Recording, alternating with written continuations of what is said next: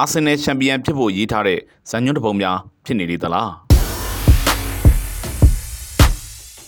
ဒီဘက်ခေတ်ဘောလုံးပွဲတွေဟာတကယ်စစ်မှန်တဲ့ဘောလုံးပွဲတွေလားအော်ပရာဆန်ဆန်တင်ဆက်မှုတွေလားသိပ်ပြီးမကွဲပြားလာတော့ပါဘူး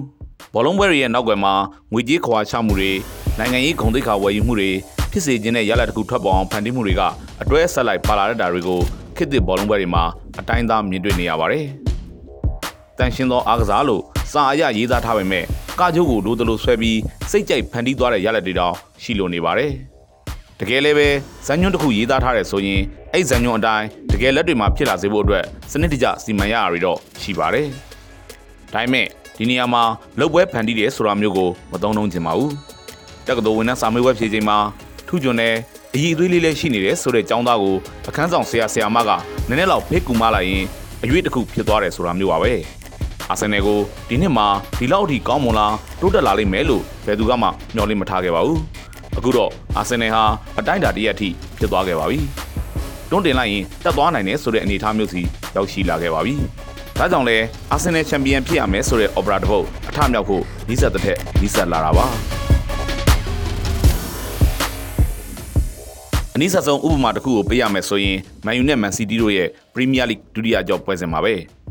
မန်စီးတီးကတကိုးသားနဲ့ဥဆောင်ထားတာကိုမန်ယူကနောက်ကနေနှစ်ဂိုးလိုက်သွင်းပြီးအနိုင်ယူသွားခဲ့ပါတယ်။တစ်ဖက်ကစပါးနဲ့အာဆင်နယ်တို့ပွဲမှာအာဆင်နယ်ကအနိုင်ရလိုက်တဲ့အတွက်အာဆင်နယ်ဟာမန်စီးတီးကိုအမှတ်ဖြတ်ခွင့်ထပ်ရသွားခဲ့ပါတယ်။ဒီနေရာမှာမေးစရာရှိလာတာကမန်ယူသွင်းလိုက်တဲ့ရှေးပါကိုပါပဲ။ရှေးပါကိုအတွက်ဘောလုံးခင်းပေးလိုက်တဲ့လမ်းကြောင်းထဲမှာ Rashford ကရှင်းရှင်းလင်းလင်းကြီးကိုလူကြုံနေခဲ့ပါတယ်။ဘောလုံးလမ်းကြောင်းတော့ကိုလည်း Rashford ကမျှော့လိုက်သွားခဲ့ပါတယ်။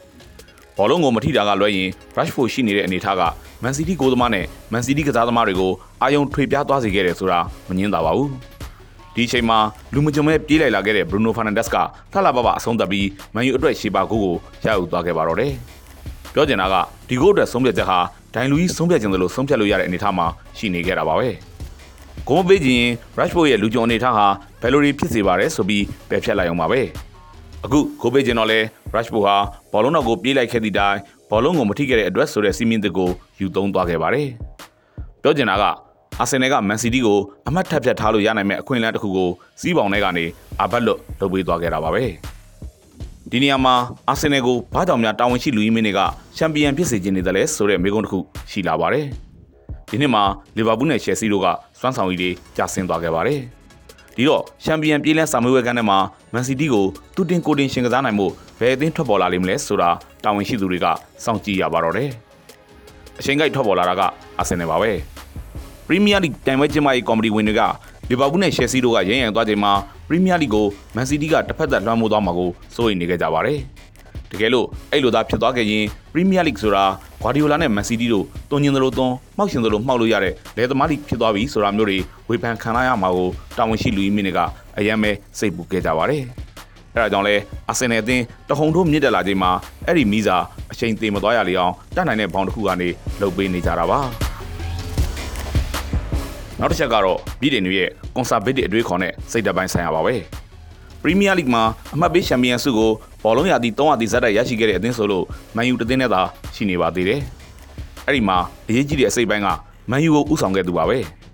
အဲ့ဒီပုဂ္ဂိုလ်ဟာပြည်တင်သားစကော့လူမျိုးနီးပြဖာဂူဆန်ဖြစ်နေပါတယ်နောက်ပြီးအဲ့ဒီကာလအပိုင်းရှာမှာမန်ယူရဲ့အဓိကပေါ်ထွက်လူစင်းနဲ့ပြည်တင်ကစားသမားတွေကထက်ဝက်ဒါမှမဟုတ်ထက်ဝက်ကျော်နေရာယူထားခဲ့ပါတယ်အဲ့လိုပြည်တင်နီးပြတယောက်ကတင်ရှိထားတဲ့စံချိန်ကိုစပိန်လူမျိုးနီးပြတယောက်က အချိန်တိုတိုအတွင်းမှာတင်လိုက်မိသွားတယ်ဆိုတာမျိုးမဖြစ်စေချင်ဘူးဆိုတာကအခုခင်းချင်းတွေကိုဖြစ်လာစေခဲ့တာပါပဲ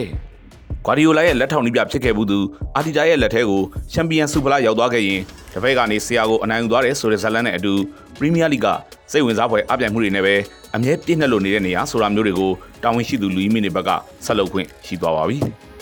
အခုတစ်ပတ်မှာအာဆင်နယ်နဲ့မန်ယူတို့ပရီးမီးယားလိမှာထိတိုက်တွေ့ကြပါတော့မယ်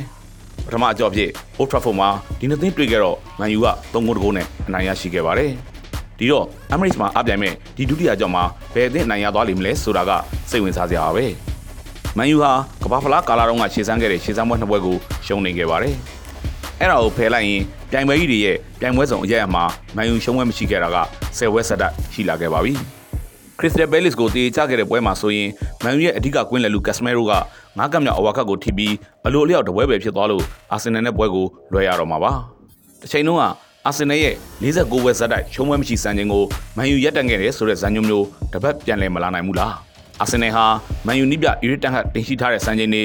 မန်ယူလက်တလောပိုင်ဆိုင်ရရှိထားတဲ့မှတ်တမ်းကောင်းတွေကိုချိုးဖျက်လိုက်ပါတယ်ဆိုတဲ့ဇာညွှန်းမျိုးဖြစ်မလာနိုင်ဘူးလားဒါဟာအရင်မဲ့တွေးဆခြင်းစရာကောင်းလာပါတယ်တေချာတာကတော့အခုကစားမဲ့ အာဆင်နယ်နဲ့မန်ယူရဲ့ဒုတိယကြောပွဲစဉ်မှာအာဆင်နယ်ကအမှတ်ရကိုရလိမ့်မယ်ဆိုတာပါပဲ